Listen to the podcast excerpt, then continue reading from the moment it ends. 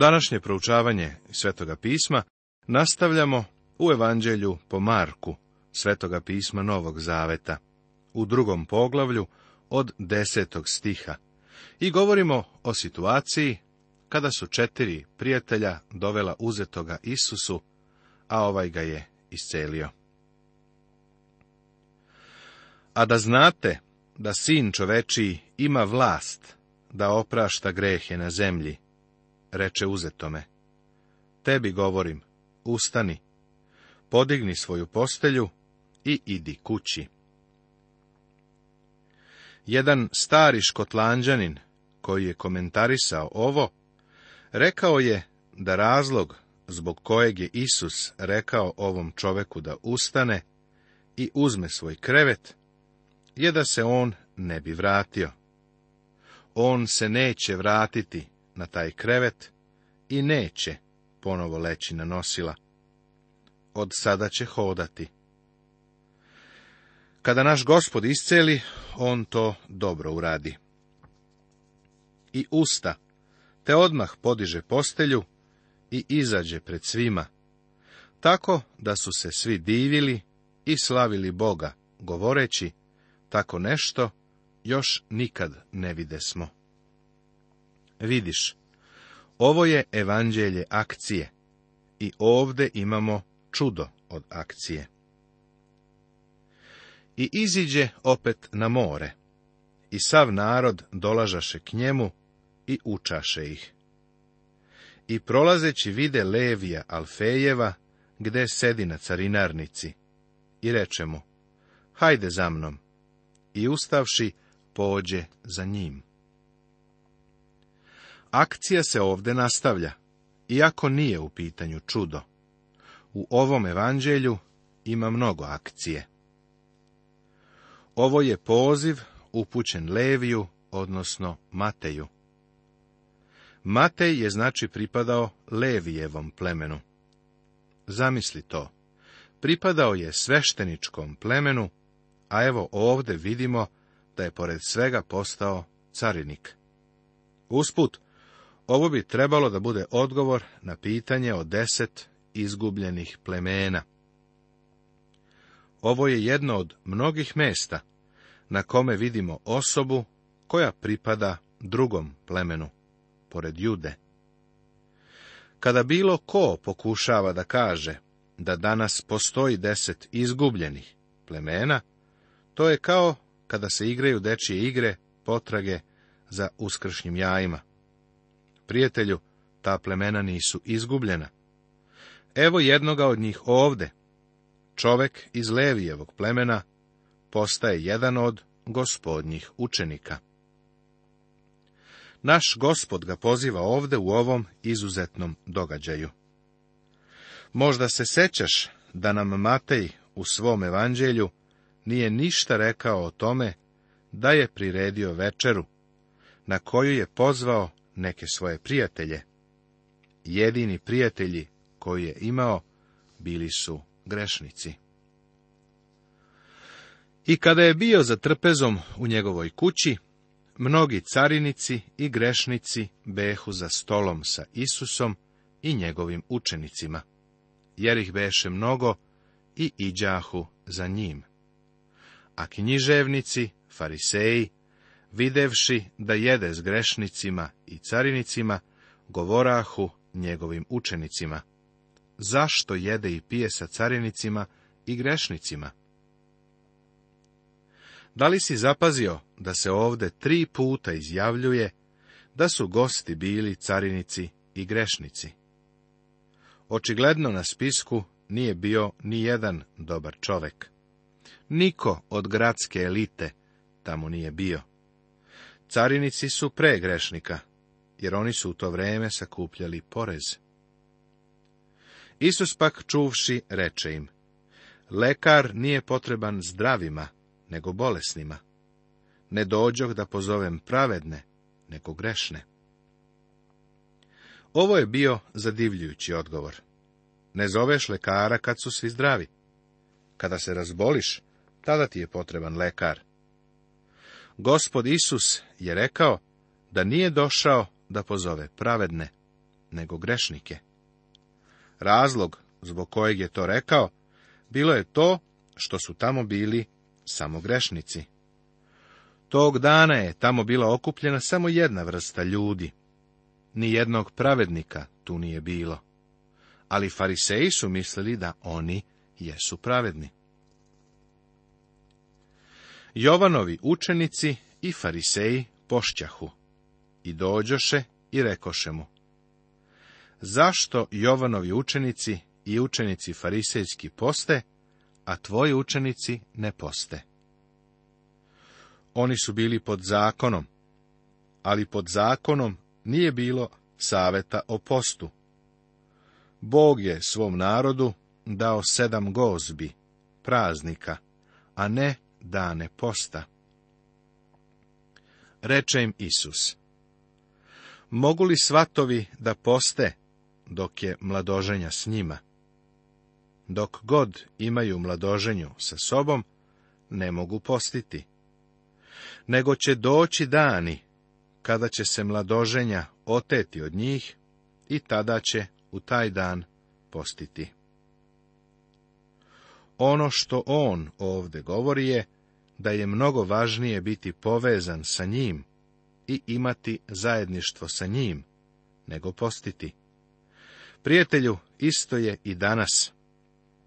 Jedno je biti religiozan i tako se prikazivati, ali je sasvim drugo uživati u zajedništvu sa gospodom Isusom i voliti ga niko ne prišiva zakrpu od novoga sukna na staru haljinu.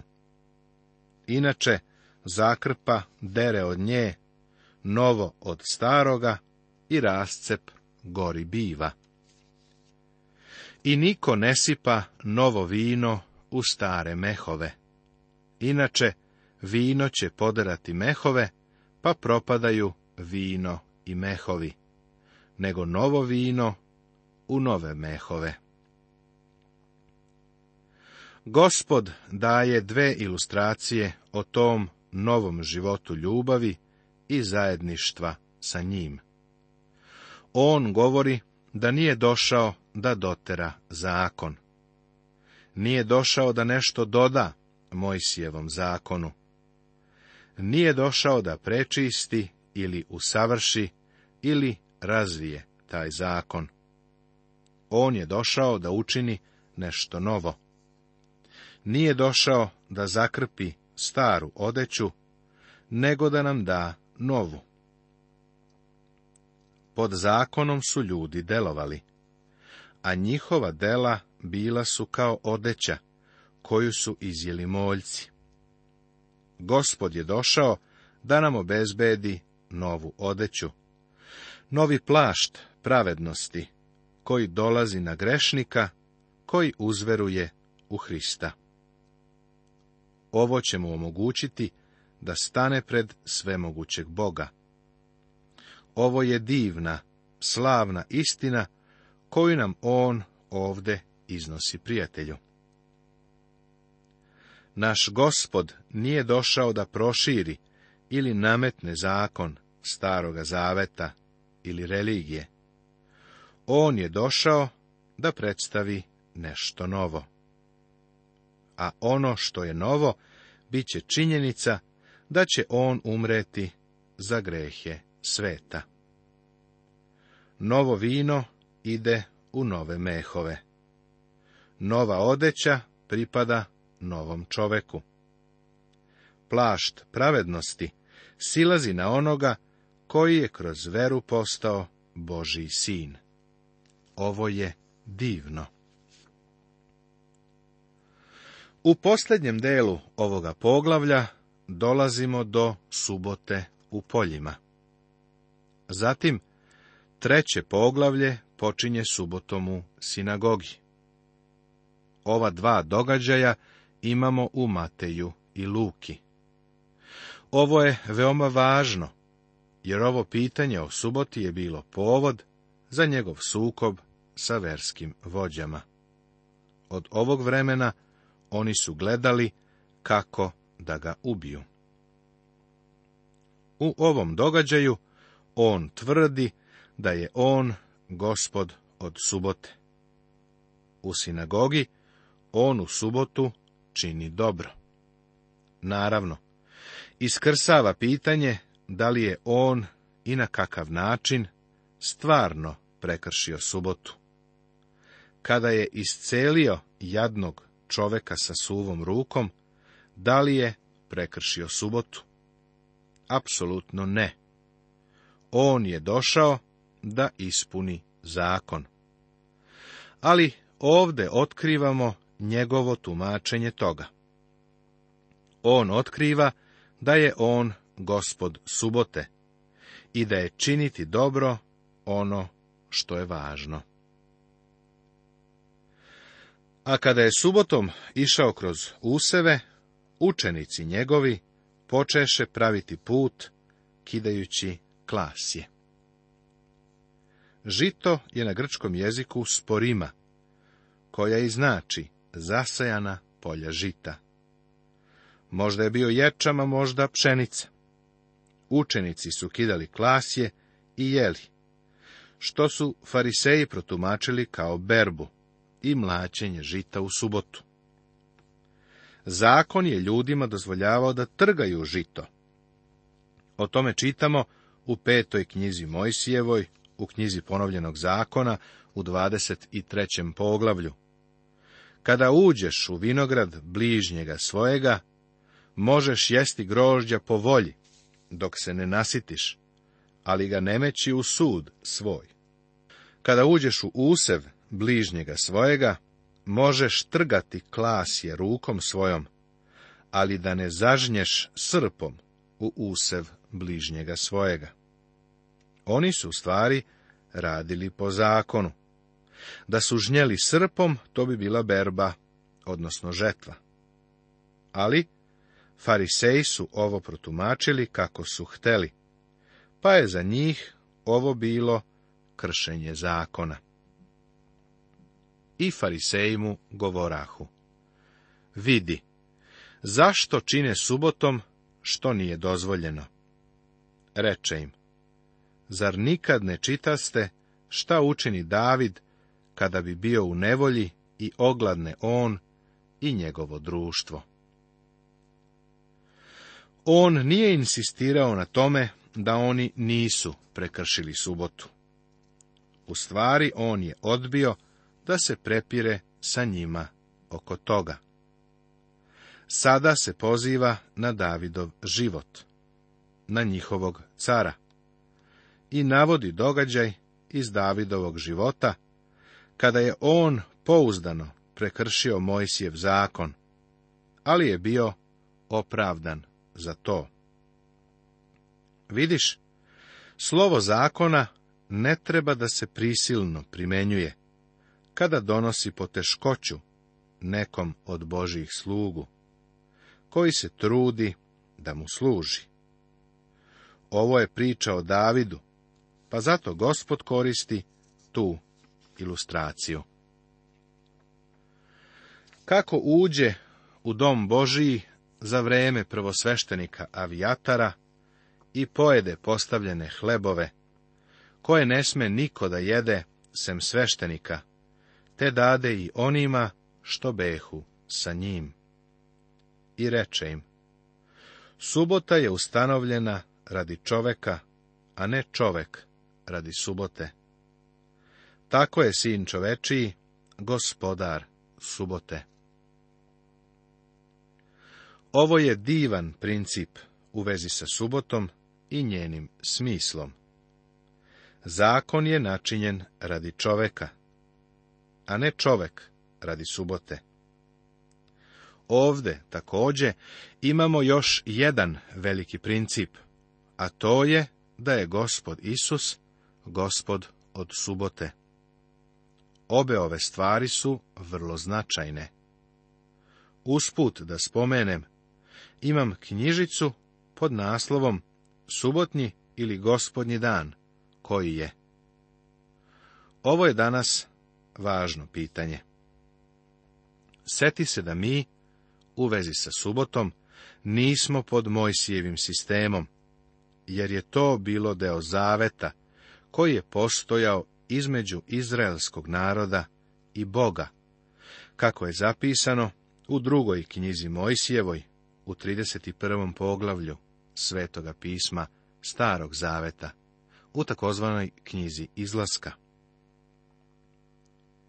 ovaj događaj koji se odigrao u žitnom polju u subotu i događaj u subotu koji nalazimo na početku trećeg poglavlja, treba da idu zajedno. Tako, iako u Bibliji postoji podela na poglavlja, hajde da nastavimo sa našim proučavanjem događaja koji se odnose na subotnji dan. Poglavlje treće Ovo poglavlje nastavlja diskusiju o suboti, što je dovelo do konačnog raskida sa religioznim vođama. Iz ovog poglavlja je očigledno da je Isus iscelio mnoštvo ljudi, čije su se priče mogle odvojeno zabeležiti, kao o čoveku koji je spušten kroz krov. Marko u ovom poglavlju na nas ostavlja utisak. Ne zbog toga što kroz mikroskop posmatra izvesne događaje, nego što nam dopušta da kroz teleskop posmatramo mnoštvo koja je iscelio. Ovo pokreće pitanje o broju ljudi sa kojima je Isus lično radio. Svaki pokušaj da se izračuna taj broj bio bi puka špekulacija. Očigledno je da Marko želi da verujemo da je broj bio veliki. I opet uđe u sinagogu i onde beše čovek sa usahlom rukom. I motrahu na njega, hoće li ga izlečiti u subotu, da ga optuže. Ovde se javlja pitanje da li je ovaj čovek, ovaj bogalj, tu namerno postavljen. Mislim da je apsolutni odgovor da. Drugi događaj se desio u polju. Bila je subota na žitnom polju i ovo je bilo svetovno mesto. Ovde sada imamo subotu u sinagogi, odnosno u pitanju je sveto mesto. Gospod Isus je isceljivao mnoštva. Oni su znali da ako ovog obogaljenog čoveka dovedu na put gospodu, da će ga Isus isceliti kada dođu u sinagogu. U stvari, ono što su učinili predstavljalo je kompliment gospodu Isusu. Znali su da on saoseća sa ljudima. Ali naravno, oni su bili zainteresovani samo zato da dobiju priliku da kažu kako je on prekršio subotu, time što je iscelio čoveka u subotnji dan. Tako, verujem da je taj čovjek bio namerno tamo postavljen i da je posmatrao. Neprijatelji našega gospoda počinju da prate i traže neki slab izgovor, samo da bi mogli da ga optuže. Zato neće morati još dugo da čekaju, jer obratite pažnju na to šta je on učinio.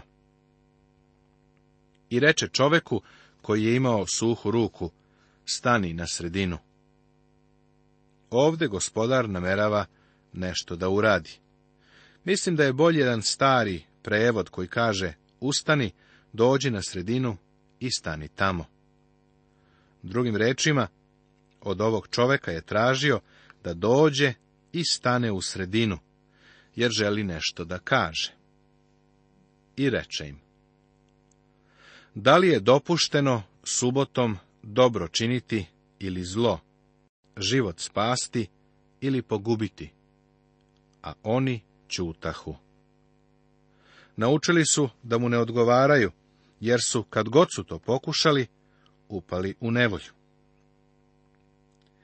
I pogledavši ih naokolo s gnevom, tužan zbog okorelosti njihova srca, reče čoveku, ispruži ruku. I ispruži, te posta opet zdrava ruka njegova. Sada gospod Isus prelazi onu granicu njihove tradicije i usmerava se na samu suštinu izvorne Božje namere davanja subote izraelskom narodu. Oni mu neće odgovoriti, jer su znali da će sami sebe optužiti. Zapazi da je Isus unaokolo gledao sa besom. Možeš negde kod sebe da pribeležiš da se naš gospod Isus ljutio. Nastavit će se.